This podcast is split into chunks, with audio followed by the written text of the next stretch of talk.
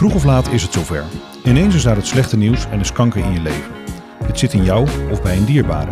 En dan? Dan komen alle vragen en emoties. En een heleboel vreemde situaties. Want kanker heeft invloed op je persoon, je relatie, je gezin, je werk, je financiën. Eigenlijk op alles in je leven.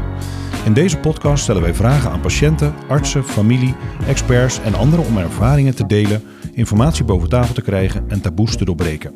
Gewoon in Jip en Janneke stijl, want wij zijn dummies. Mensen vragen wel eens van wat is nou erger, kanker hebben of ernaast staan. Vraag me dat niet, want ik kan het je niet vertellen.